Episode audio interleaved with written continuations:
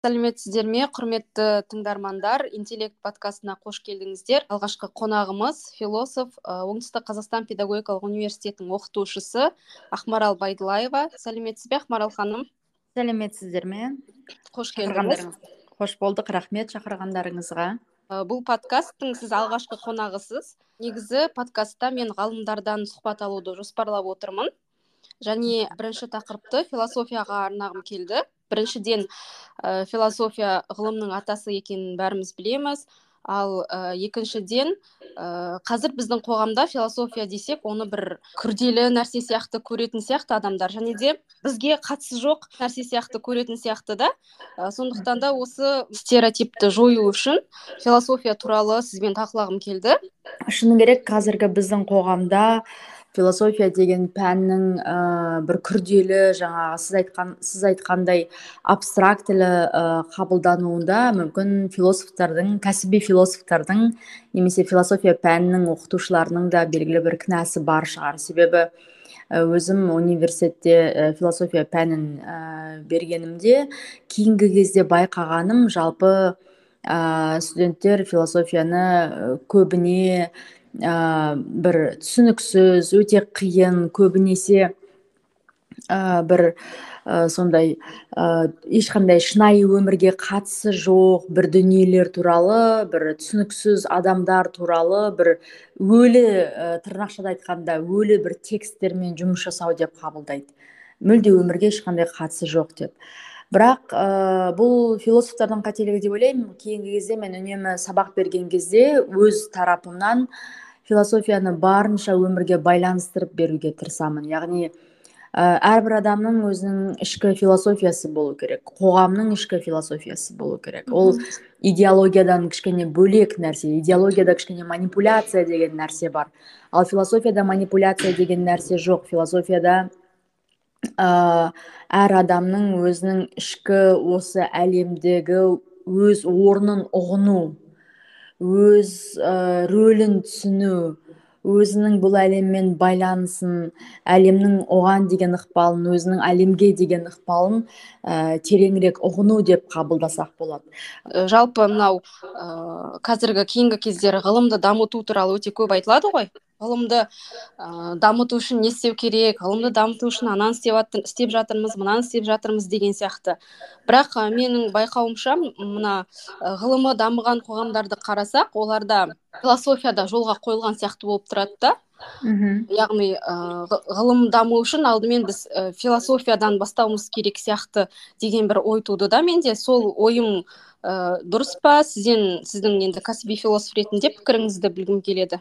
Иә сұрағыңыз жалпы ауқымды ыыы ұзақ жауап беруге болады. Бірақ мен тоқ етерін ә, барынша ықшамды етіп ә, айтуға тырысатын болсам ә, бұл жағынан келгенде мен сізбен толық келісемін. Жалпы дамыған қоғамдарда америка құрама штаттарында болсын еуропада болсын ә, тарихи қалыптасқан дәстүр бойынша жалпы ә, кез келген нәрсенің ә, түпкі бір ә, мән мағынасын іздеу жағынан олар бізден дәл қазіргі таңда бір бір қадам ілгері сияқты. Кез келген бизнестің өзінің философиясы бар кез келген шығармашыл адамның өзінің философиясы бар. Кез келген саналы білімді адамның ә, адам өзінің философиясын іздеуге талпынады. Ол жағынан бізде кішкене ә, меніңше сауатсыздыққа немесе бұл мәселеде білімнің аз болуына байланысты ә, кішкене ә, жалған бір түсініктер бар сияқты. Кез келген ғылымның дамуы үшін. Ә, ғылым ғана емес бұл жерде адамгершілік те мәселесі бар ғой. Философияның жалпы үлкен мақсаттарының бірі этика деген философияның үлкен ауқымды бөлігі бар. Этика ә, жалпы біз бұл әлемде адам сияқты қалай өмір сүреміз деген сұраққа жауап береді. Яғни адам сияқты өмір сүру деген өте ауқымды өте терең түсінік және ә, кез келген адам өзінің кәсіби әрекетінде отбасылық әрекетінде жеке қарым қатынас әрекетінде өзіне деген ә, көзқарасының ә, жаңағы жалғасы ретінде ретіндегі әрекетінде өзінің осы адам сияқты өмір сүру деген мен үшін не? Және жалпы менің бұл әлемдегі ә, адам сияқты әрекетім қандай болу керек деген сұраққа жауап беретін болса меніңше көп қоғамда бір ізгі жақсы жаққа қарай оң өзгерістер көп болатын еді деп ойлаймын. Мен енді м ғалымдармен сұхбат алуды жоспарлап отырғандықтан алдымен философияны осылай ғылыммен байланыстырып отырмын да. Ә, мына философияны біз әлем туралы ә, ілім деп алсақ ғылым ол ә, бізге әлем туралы жаңа бір ақпарат беретін жаңа бір білім беретін нәрсе иә. Философия да ғылым да екеуі де әлем мен адамды ә, зерттеуге бағытталған. Ә, бірақ та ә, философия ол мысалға бәріміз білеміз нақты жауап бермейді иә. Ал ғылымда ондай жоқ. Ғылым ол нақты бір жауапты талап етеді. Кез келген ә, ғалымды алсақ оны бір философ деп айтуға болатын сияқты деп ойлаймын да өйткені ә, олар бір сұрақ қояды. Сол сұраққа ғылыми әдістерге сүйеніп жауап іздейді. Ә, былайша айтқанда оларда ә, кез келген ғылыммен айналысатын адам ғалым. Ол философиямен де қатар айналысып отыратын сияқты көрінеді. Да сондықтан да осылай философия мен ғылымның арасында параллель келтіріп ойымды түсіндіргім келді да. Ә, мен сіздің сұрағыңызды түсінгендеймін. Енді өзімнің ә, өзімнің көзқарасым тұрғысынан. Жалпы ә, ғалым болу оңай емес дүние. Шыны керек. Себебі сен ә, белгілі бір ғылым деп отырғанымыз бұл әлем туралы белгілі бір жаңалықтарды ашу немесе ә, сол бағытта бұл әлеммен етене жақын танысу үшін бір әрекет жасау.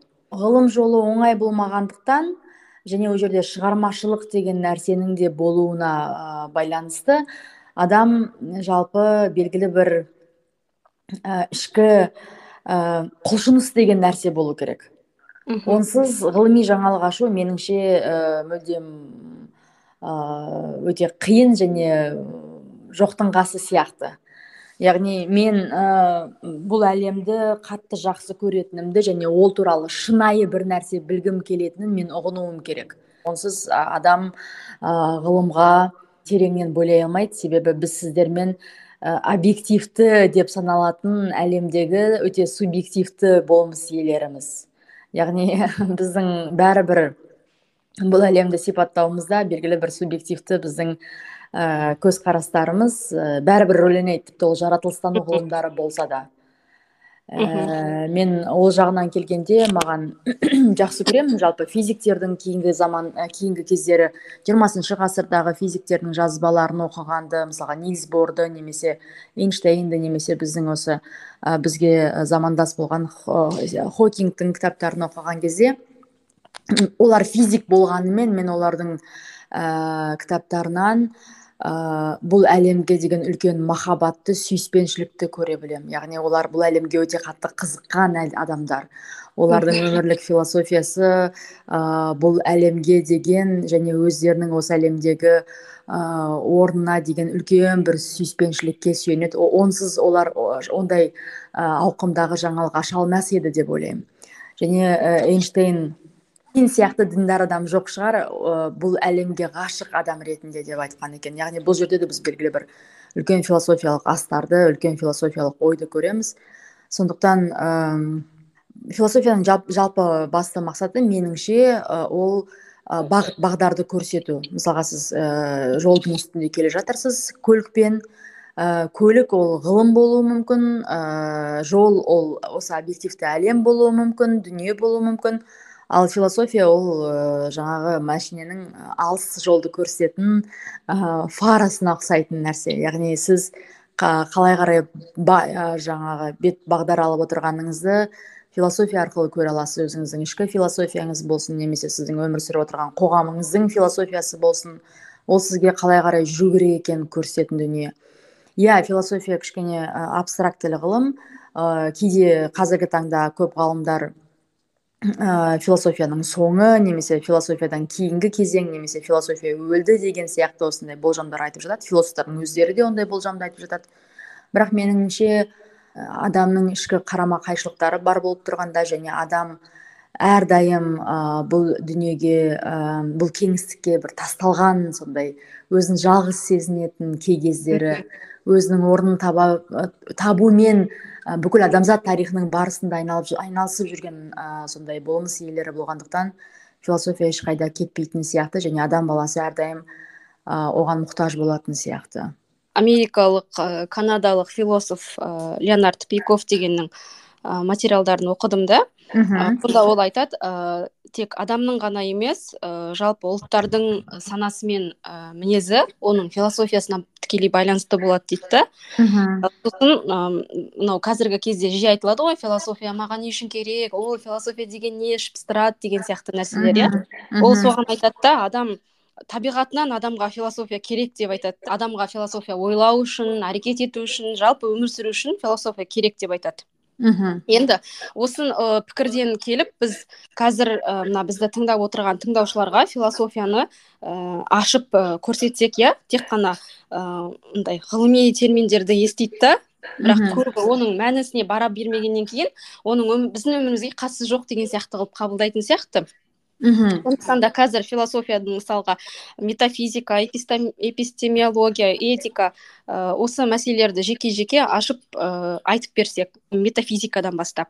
Жалпы философия өте күрделі пән және философиялық мәтіндерді оқитын болсаңыз шыны керек ә, көп адам соңына дейін жете алмай қалады. Ә, және мен түсінемін ол не себепті болатынын. Себебі өте мән мағына тұрғысынан өте терең ә, кейде ә, қазіргі таңда обскурантизм деген термин бар америкалық философтардың айтатын яғни тым бір оңай нәрсенің өзін тым күрделендіріп жіберу деген сияқты осындай философтарға қатысты айыптаулар айтылады. Бірақ жалпы философия деген нәрсе философия әлемі бұл жалпы мәндер немесе мағыналар әлемі.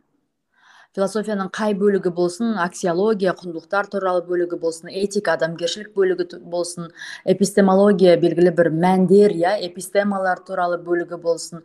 Қай бөлігін алсақ та ә, философияның басты енді былай жинақтап әкелгендегі сұрағы бұл не үшін деген сұрақтардың не үшін деген сұрақ иә жалпы кез келген нәрсеге қатысты не үшін не үшін не үшін деп сұрай беретін болсаң ол жерде белгілі бір терең құндылық немесе мән немесе белгілі бір мағына шығады. Философия бәрібір керек.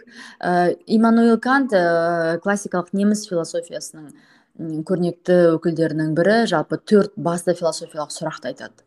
Ә, ол сұрақ бірінші жалпы мен не біле аламын? иә ол әлем туралы өзім туралы.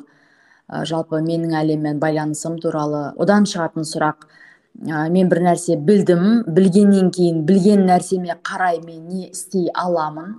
Яғни өзім адам ретінде ә, осы әлемдегі өзімнің орнымды табу үшін ә, білім алғаннан кейін маған бір әрекет жасау керек және ол қандай әрекет болу керек не істей аламын. Үшінші сұрақ ә, бір нәрсе білдім бір нәрсе істедім.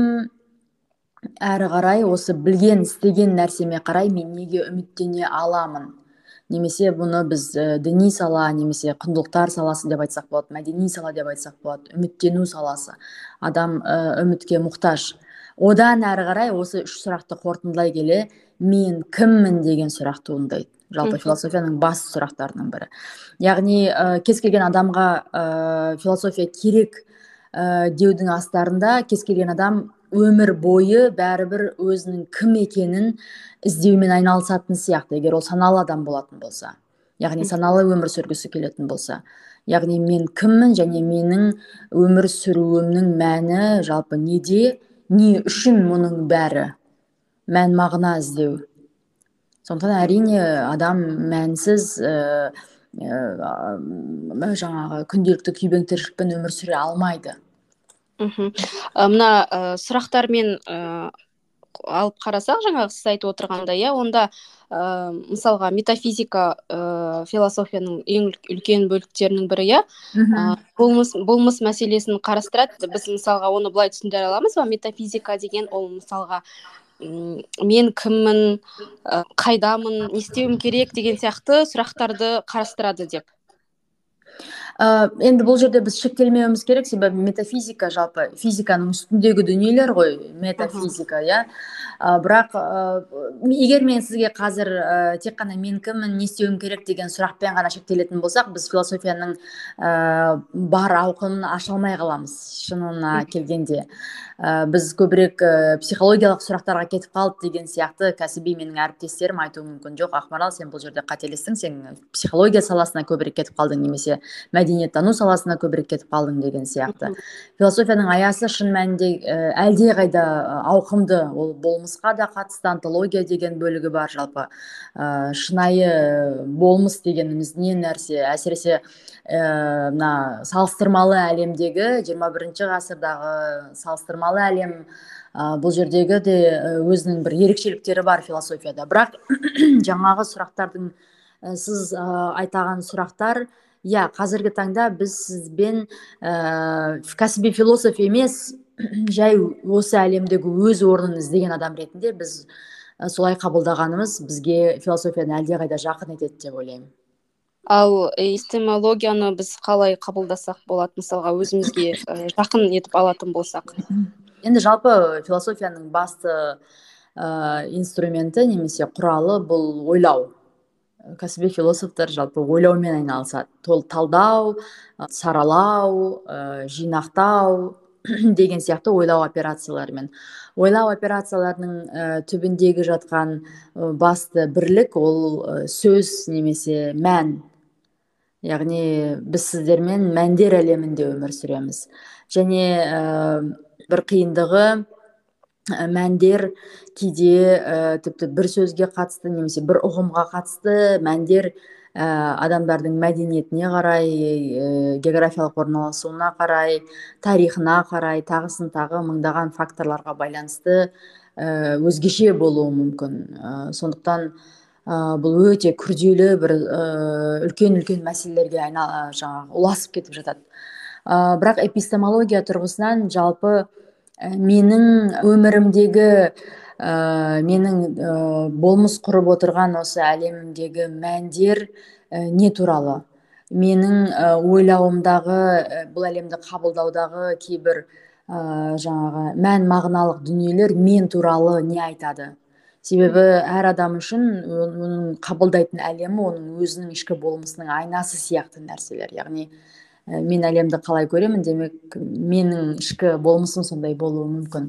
Енді мен бұл жерде барынша қазір тағы да қайталап айтамын барынша қарапайым етіп айтып жатқандағы ә, түсініктеме меніңше осылай болуы мүмкін. Мхм. Осы ә, философияның ішіндегі ең бізге көп естігеніміз және ең көп ә, танысы этика сияқты иә? Иә.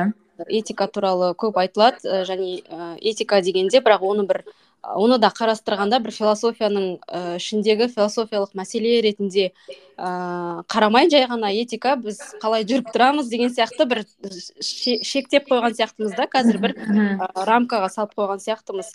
А негізі этиканы философиялық тұрғыда сіз қалай түсіндіріп бере алар едіңіз? Этика ә, бұл адамгершілік немесе мораль туралы философияның бөлімі өте ауқымды бөлімі. Өмір бойы біздің өмірімізде болады этикалық мәселелер. Ә, өзіміздің жаңағы бағана айтқан адам сияқты өмір сүру мәселесі қандай? Этиканың алтын ережесі бар өзіңе ә, жасағанды қаламайтын дүниені басқаға жасама деген. Ә, бірақ біз кейде бұндағы үлкен проблемалардың бірі біз кейде өзімізге не жасалуы керек нені қалаймыз нені қаламаймыз соның өзін ажырата алмайтын кездеріміз болады. Немесе кейде біз адамның табиғи өзі болмысында бір қатыгездікке қатысты кейбір ә, жаңағы ежелгі гректер айтпақшы кейін ә, ницшедегідей ә, жаңағы конструктивті деструктивті бір белгілі бір әрекеттеріміз бар біздің иә. Адам өз өзін кейде ә, бейсаналы түрде немесе кейде ә, саналы өмірінің ә, бір толыққанды өмірі болмағаннан кейін кейде өзіне қатысты бір өмірін бүлдіретін дүниелерді жасап жатады. Қасақана сияқты өз өзіне. Және қоғамға қатысты мысалға. Ол жерде де оның астарында белгілі бір философиялық үлкен ойлар үлкен проблемалар туындауы мүмкін. Ал бірақ этика туралы айтатын болсақ этика енді барынша ыыы қарапайым етіп түсіндіру үшін ә, біріншіден ә, адамзат тарихының о бастауынан бері қарай келе жатқан сұрақтар бар иә. Мен жалпы ә, зиянсыз өмір сүру қалай өмір сүремін? Зиянсыз өмір сүру жалпы мүмкін бе? Ә, адамгершіліктен қалай аттамаймын? Ол адамгершіліктің өлшемі қандай? Оны ә, мен қалай ә, субъективті адам ретінде мен қалай басқаларға объективті болып қала аламын? Өзімнің болмысымды қалай ә, түсіне аламын және басқалармен қалай коммуникация құра аламын деген сияқты сұрақтар. Қазіргі заман өзгеріп жатыр ғой. Заманның өзі біз сіздермен мүлде басқа әлемде өмір сүреміз. Ә, біздің ата әжелерімізге ата әжелерімізбен салыстырғанда мысалы үшін немесе ата анамызбен салыстырғанда ә, қазіргі цифрлық ә, дәуір жалпы ақпараттық әлем жасанды интеллект әлемі ол бізден өте көп этикалық мәселелерді қазір талап етіп отыр шешуді этикалық мәселелердің шешімін талап етіп отыр. Себебі біз сіздермен ә, мүлде басқа ә, әлемнің кейбір келбеттерін көріп отырмыз. Қазір жасанды интеллектпен жарысқан кезде мысалға жұмыс орындарының өзінің жоғалуы және адамның ә, осы уақытқа дейін көп жұмысты басқа нәрсе жасай алмайтын жұмысты атқарып келе жатқан адам өзінің ішкі құндылығын жоғалтып алуы мүмкін мысалға роботтармен жарысқан кезде. Ол үлкен проблемаға алып келіп ыыы ұшыратады деп ойлаймын адамзат баласын. Жалпы қалай біз өзіміздің адами болмысымызды сақтап қаламыз? Қалай біз ә, унификация әлеуметтік желілердің унификациясынан қалай өзіміздің жеке жаңағы саналы бөлігімізді алып қала аламыз ә, және қалыптастырып ұстап қала аламыз деген сияқты. Ол мәселелер қазірдің өзінде өте өзекті болып тұр және ә, уақыт барысында меніңше технологиялар неғұрлым дамыған сайын бұл мәселелер тек ушыға беретін сияқты. Сондықтан этика қазіргі таңда адам сияқты өмір сүру мәселесі бұл әрбір көзі ашық әрбір ә, санасы ә, жаңағы ояу көкірегінде бір жаны бар адамды алаңдататын мәселелердің бірі деп ойлаймын. Осы ә, этика мәселесіне келген кезде мысалға біз этиканы ә, құндылықтар деп ә, алып отырсақ ә, адам қандай таңдау жасайтыны және оның қандай әрекеттерге баратыны көбінесе сол енді құндылықтарына негізделеді ғой. Ә, бірақ бұл жерде біз сонда жалпы адамзатқа ортақ құндылықтар туралы ғана айта аламыз иә? мысалға кейбір адам үшін ә, құндылық болып көрінуі мүмкін мәселе мәселелер бар да бірақ олар этика шеңберінен тыс болуы мүмкін деген сияқты. Мхм. Үлкен проблема. Проблема неде? Мен үшін құнды нәрсе сіз үшін құнды емес болуы мүмкін немесе тіпті сізге зиян болуы мүмкін. Мхм. Бұл жерде діни мәселеге келетін болсақ та бұл өте өзекті мәселелердің бірі. Яғни толеранттық мәселесі бұл жерде өте үлкен өте үлкен ұм, коммуникациялық бір сабырлықты төзімділікті немесе ерекше бір адамгершілікті дейміз бе қалай айтсақ екен? Бір сондай үлкен адамның үлкен саналық деңгейін талап етеді. Қазіргі таңда біз сіздермен 21 бірінші ғасырда өмір сүріп отырмыз дейміз жаһандану дәуірі дейміз технологиялар дамыған дейміз бәріміз бірдей. Көзіміз ашық білім алып сауатымызды ашып жүрген адамдар болғанымен ә, адамзаттың қазіргі дәл осы сіз бен біздің қоғамымыздағы болып жатқан соғыстар ішкі қақтығыстар саяси әлеуметтік проблемалар олардың бәрі жалпы адам болмысының ә, соңғы екі жарым мың үш мың жыл ішінде аса бір өзгере қоймағандығын көрсетеді. Яғни құндылықтар ә, өзгерді ме? Өзгерген жоқ па? Адам болмысы жалпы өзгермейтінін ә, түсінеміз деп ойлаймыз.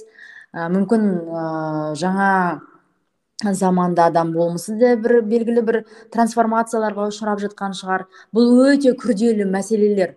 Бірақ құндылықтардың үлкен бір қиындығы құндылықтар мәселесінің. Құндылықтар жиі бір біріне қарама қайшы келіп жатады. Тіпті жаһандық мағынадағы құндылықтарды айтады адам өмірі еркіндік бостандық деген сияқты теңдік деген сияқты құндылықтардың өзі кейде өте салыстырмалы болып жатады. Сондықтан бұл жалпы ә, меніңше өте білімді мүмкін платон айтпақшы философтардың ә, немесе осы салада ә, терең ойлана алатын түпкі мәселелерді көре алатын адамдарға ә, тапсырылуы тиіс салалар шығар бәлкім құндылықтар мәселесі деген жалпы жалпы негізі ә, философия туралы өте көп айта беруге болады. Иә мен тек кіріспе ретінде бүгін ә, ғылыммен байланыстырып және біздің қоғамымызбен байланыстырып ә, түсінікті болсын деген ниетпен тек ә, осылай кіріспесін айтып отырмыз. Болашақта әрқайсысын жеке жеке зерттеп жүрген ғалымдармен де сұхбат алу бар негізі ойда. Негізі философия біздің өмірімізден ыыы өмірімізбен осылай бірігіп жататынын ыыы осы жерге дейін айтылғандардан көп адам түсінген шығар деп ойлаймын. Жалпы мен философия деген кезде ең бірінші ойыма анализ жасау деген ой келеді да енді. Философия ә, қаншалықты қоғамда дамыған болса соншалықты анализдеу қабілеті жоғары адамдар сыни ойлау ә, қабілеті жоғары адамдар көбірек болатын сияқты да. Бір шығыс ә, мен қазір кім айтқанын ұмытып тұрмын бірақ бір шығыс даналығы бар. Бір кітап оқыған адамнан қорық дейді қорқу керек дейді. Яғни жиі мен қоғамда өзім де көріп жатамын және философия дәрістерімде өзім студенттерге үнемі осы ойды жеткізуге тырысамын. Бір кітапты оқыған адам немесе бір теориямен ғана жүретін адам әрдайым ә, әлемді өте тар көреді тар мағынада. Бір ғана шешімдер бар бір ғана көзқарастар бар бір ғана ақиқат бар және бір ғана дұрыс нәрсе бар деген көзқарас. Бұл өте қауіпті көзқарас. Барлық соғыстар барлық ә, тіпті мына тұрмыстық ә, зорлық зомбылықтың өзі осы ә, тар ойлаудан шығатын дүниелер. Ә, мен білемін басқалар білмейді менікі дұрыс басқалардікі дұрыс емес деген сияқты көзқарас. Екі кітап оқыған адам ә, адамда салыстыру деген нәрсе пайда болады. Сыни ойлау немесе жаңа сіз атаған иә? Үш кітап оқыған немесе үш теориямен танысқан адамда ол сыни ойлаудың арнасы ә, көбейе береді ә, жаңағы кеңейе береді. Яғни талдау сыни ойлау деген нәрсе болмаса ә, бір ғана ақиқатқа жабысып ә, бұл әлемнің жалпы әр алуан екендігін мәдениеттердің әр алуан екендігін көзқарастардың әр алуан екендігін және олардың барлығының пайда болуының белгілі бір объективті себептері бар екенін түсінбейтін болса адам баласы әсіресе ә, кез келген ә, саладағы ғалымдар бұл үлкен катастрофаға алып келуі мүмкін этикалық мәселеде адамгершілік мәселесінде. Сондықтан ә, жалпы сыни ойлауды дамыту өте дұрыс. Сыни ойлау қай жерде болмайды? Сауатсыздық тарақ кең тараған жерде болмайды. Білімсіздік кең тараған жерде болмайды. Ол жағынан менің қазір қатты қарным ашатын нәрсе менің өзіміздің мына сіз бен біздің өмір сүріп отырған қоғамымызда. Бізде білімге деген құштарлық өкінішке орай өте қазір ә, аз болып тұр. Жаңағы сіз клиптік ойлау дедіңіз немесе сол сияқты жаңағы әлеуметтік желілерге ә, тәуелділік немесе мен жалпы қарсы емеспін әлеуметтік желілерге де оның барлығы ақпараттық заманның міндетті бөлшектері. Бірақ мен ә, қысқа ойлауға және шаблондармен өмір сүруге қарсымын. Ә, яғни дұрыс айтасыз қазір миға көп салмақ салғым келмейді. Себебі үнемі біз ақпараттың үлкен ауқымды толқындарының астында қалып кетіп жатамыз. Күнделікті қаншама хаттар қаншама ақпарат келіп жатады қаншама ақпарат сен игеріп үлгеруің керек. Ә, жан жақтан ә, қаншама хабарламалар келіп жатады. Оның бәрі адамға салмақ бірақ біз бұл әлемде бәрібір өзіміздің орнымызды табу үшін көпке еріп кетпеуіміз керек сияқты. Ауырдың үстімен жеңілдің астымен кетуге болмайды. Яғни бұл жерде сыни ойлауды міндетті түрде қосу керек. А сыни ойлаудың ә, сыни ойлауды күшейтетін нәрсе бұл білім мен сауаттылық деп ойлаймын. Яғни білім алған кітапты көп оқитын адамдар білім алуға құштар адамдар да ә, автоматты түрде талдау мен ә, сыни ойлау іске қосылады. Бұл жағынан өкінішке орай бізде қазір кітап оқу мәдениеті де төмен болып тұр.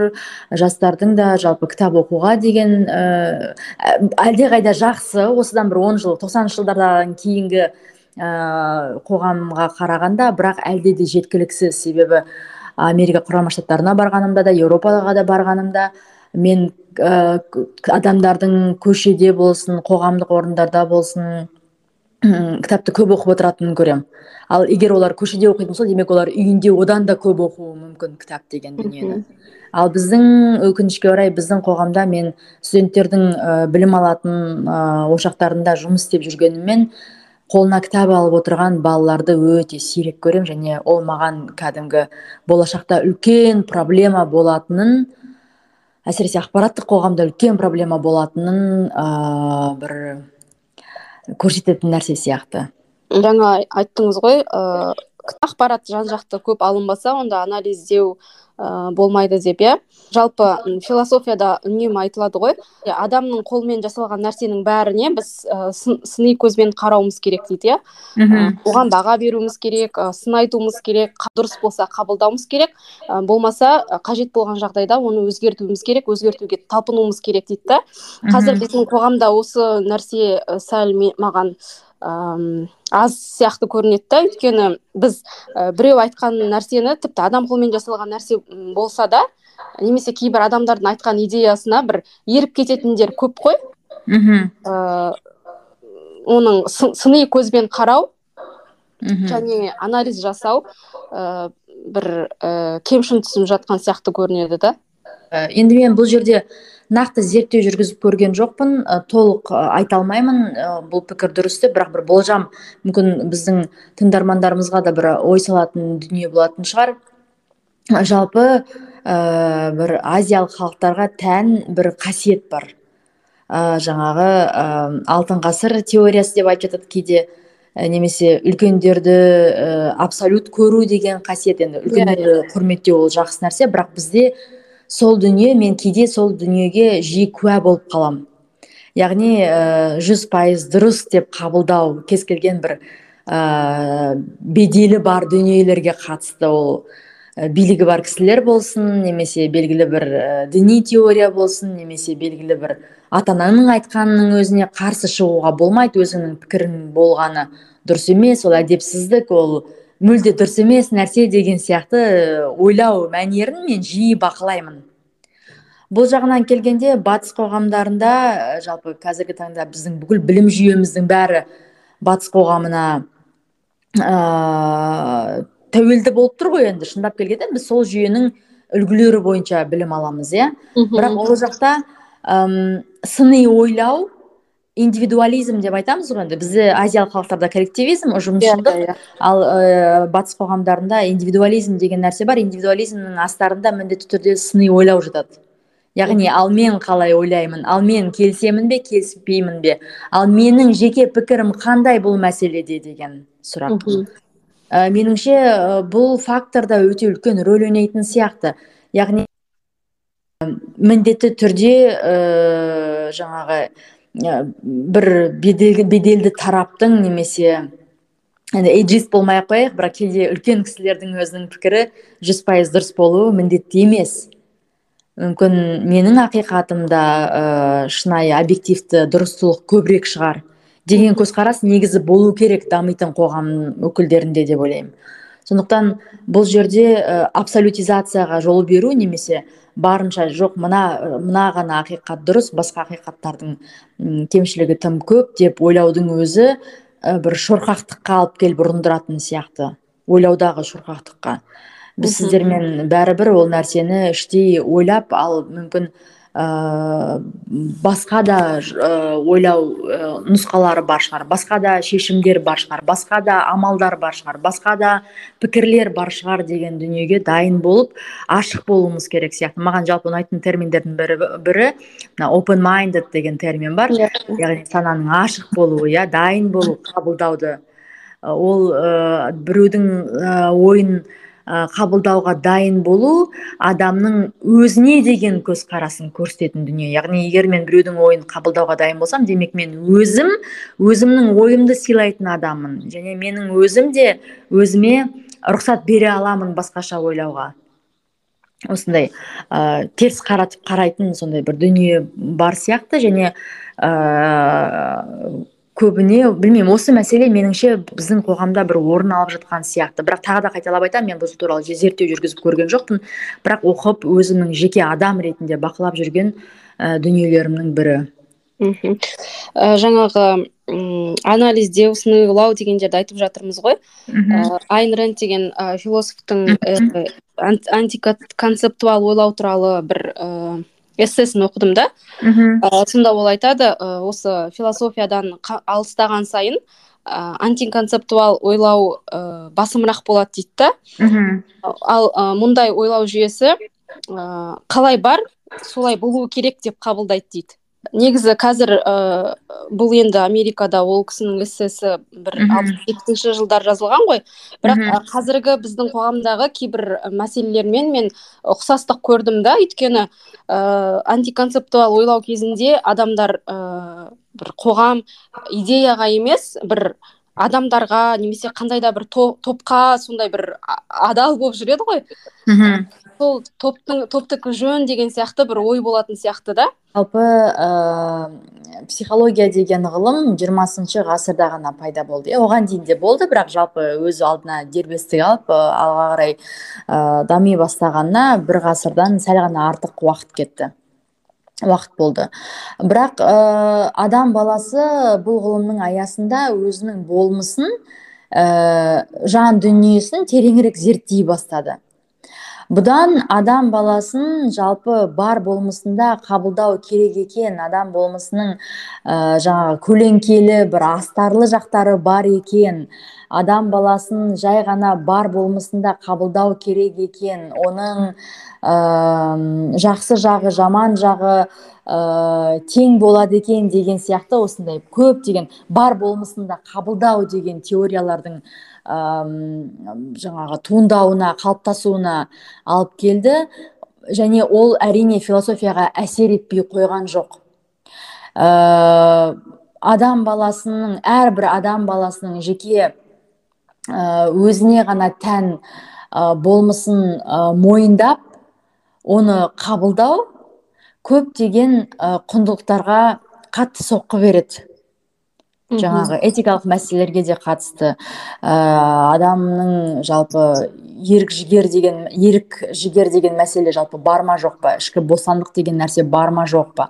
Ә, детерминистік себеп салдарлық байланысқа яғни адам баласы қылмыс жасайтын болса оған кім кінәлі? Ол ә, қоғам кінәлі ме генетикасы кінәлі ме? Әлде адам баласы тек өзі ғана жауап беру керек па бұл мәселеге деген деген сияқты сұрақтар? Қазіргі таңдағы философтарды қатты алаңдататын сұрақтардың бірі. Және мына үлкен мегаполистердің болуы ә, адам баласы миллиондаған адамдар өмір сүретін өте тығыз халық өте тығыз өмір сүретін ортада өмір сүре отырып өз өзінен жатсыну деген дүниелер пайда болатын болды. Яғни адам неғұрлым үлкен мегаполисте өмір сүрген сайын соғұрлым өзін жалғыз сезінетін ә, жалғыз сезіну басым болып бара жатуы иә бұл бір жағынан қарап отырсаң керісінше нәрсе сияқты. Бірақ бұл жаңағы сіз айтқан ә, жалпылама концептуалды ойлаумен ә, концептуалды емес ойлауға қатысты ә, бұл дүниелердің барлығы ықпал ететін факторлар болып тұр қазіргі таңда.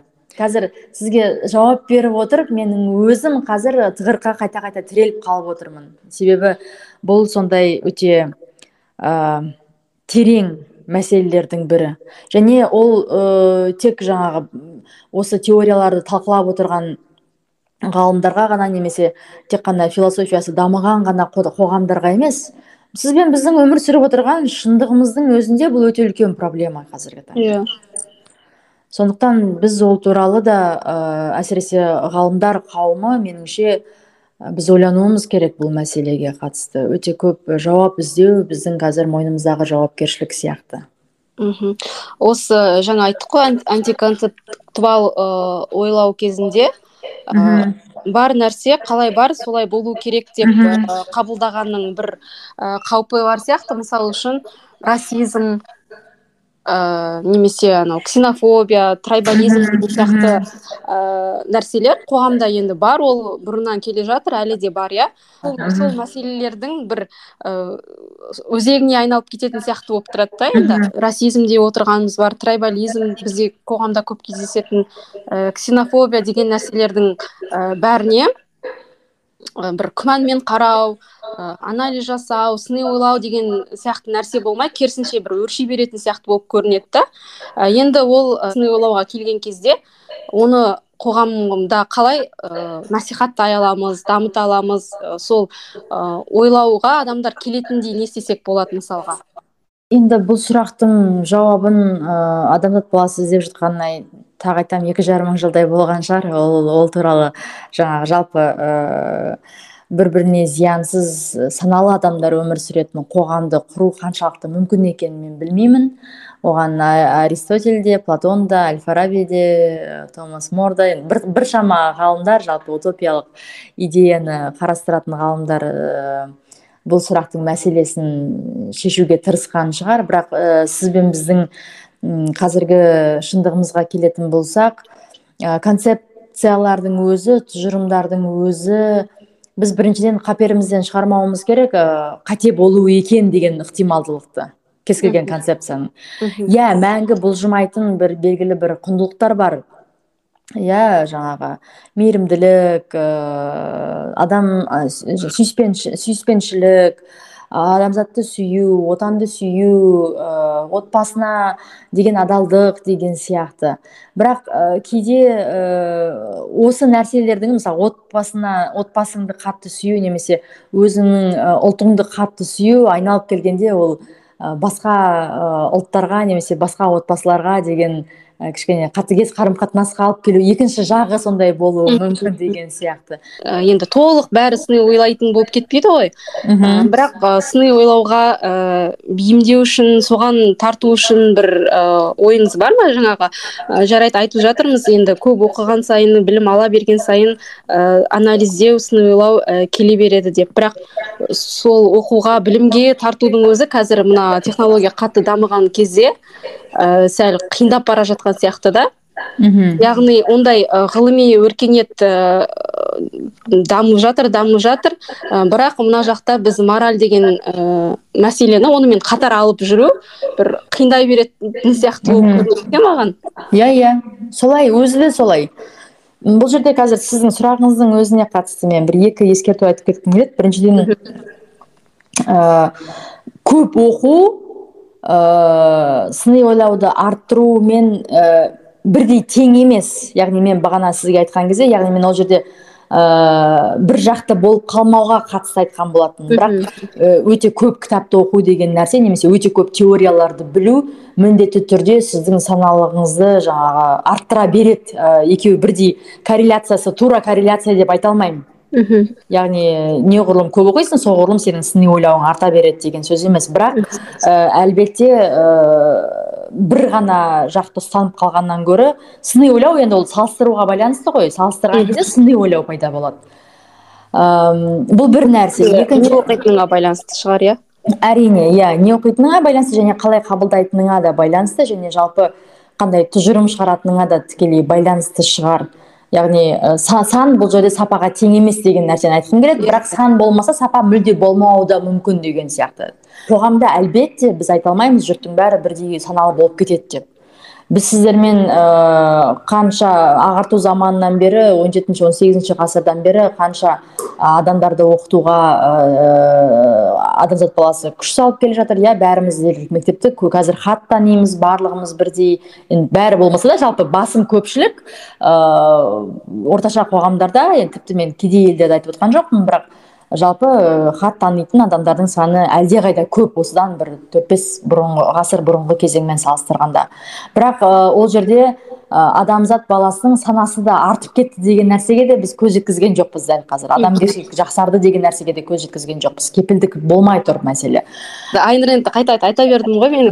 Сол ә, бір эссесінде жазады да қазір адамдар арасында ә, мен қоғам үшін не істей аламын?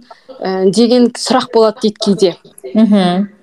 Э, мен әлемді қалай өзгертсем болады немесе менің қолымнан не келеді деген сияқты мәселе болады дейді да. Ә, негізгі ә, ол жерде айтатын ойы менің түсінгенім ә, егер де сенде сондай ой пайда болды ма онда ә, интеллектуал қозғалыс болу керек деп келтіреді. Интеллектуал қозғалыстар қаншалықты ә, бола берген сайын соншалықты пайдалырақ дейді да енді.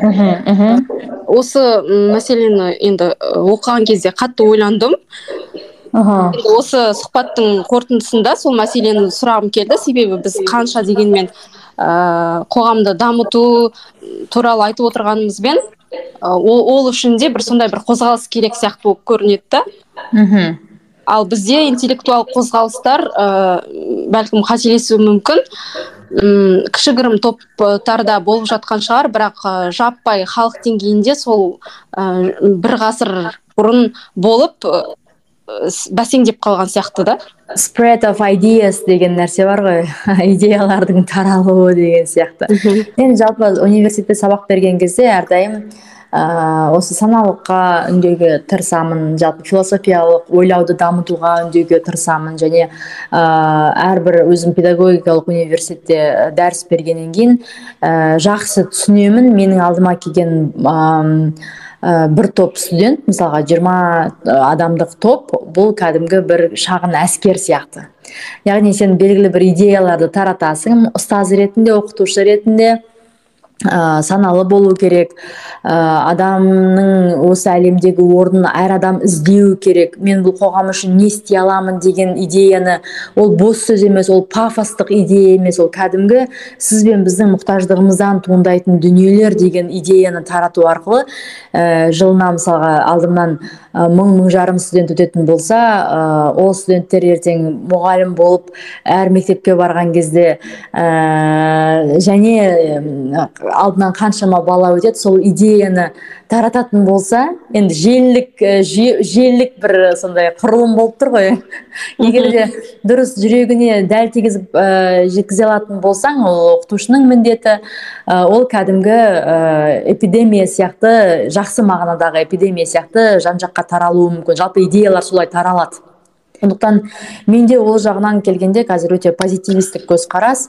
Ә, меніңше ә, біз сіздермен қазір әрбір жеке адам мысалға сіз қазір подкаст жазып ә, сіздің подкасттарыңызды естіген адамдар қаншама адам ә, бәрібір бұл туралы ойланады. Бұл бұл туралы өзінің ішкі ә, сұраныс механизмін іске қосады иә? Ә, сондықтан меніңше бұл жерде оптимист болу керек сияқты. Яғни біз сіздермен ә, бәрібір ешнәрсе істей алмаймыз бәрібір әлем өзгермейді мен аса маңызды емеспін дегеннен гөрі ә, мен маңыздымын мен әсер ете аламын мен жақсыға қарай ә, қозғағым келеді. Ә, интеллектуал қоғамның маңызды белсенді бір бөлшегі құрамдасы болғым келеді ә, дейтін болсақ ә, меніңше бұл жерде дәл қазір біздің қоғамға өте керек нәрсе сияқты. Мәселені сөйлеспейтін болсаң кем дегенде біз сіздермен бұл мәселелерді талқылауымыз керек. Талқыланбайтын болса ешқандай өзгеріс болмайды. Талқыланған кезде адамның ішкі ойы қозғалады. Ол қозғалған ой айналып келгенде бір арнаға бәрібір атқып шығады. Сондықтан біз сіздермен бұл процестерді белсенді пайдалануымыз керек сияқты. Меніңше әркім өз қолынан келгенше белгілі бір әрекет жасау керек. Сонда біздің өзіміздің де ішкі ішімізде адами қанағаттану сезімі болатын болса біз әрине өте бақытты адам боламыз деп ойлаймын. Иә рахмет сізге. Мен де сіз сияқты позитив ә, қараймын негізі. Ә, бәрібір де ә, жалпы қоғам болмаса да қоғамның көп бөлігі сондай процестерге келетін сияқты. Ә, сапалы интеллектуал сондай дүниелерге қызығушылық та ә, қазір болмаса да енді болашақта артады деп өзім сондай позитивпен қараймын. Сізге көп рахмет. Ә, болашақта ә, тағы да философияның жеке ілеме ішіндегі өзіңіздің зерттеу салаларыңыз бойынша да ә, сұхбат аламыз деген ойдамын. Көп рахмет. Көп рахмет сізге де. Амандық болсын. Тыңдармандарға да барлығыңызға көп рахмет. Пайдалы болды деп үміттенемін.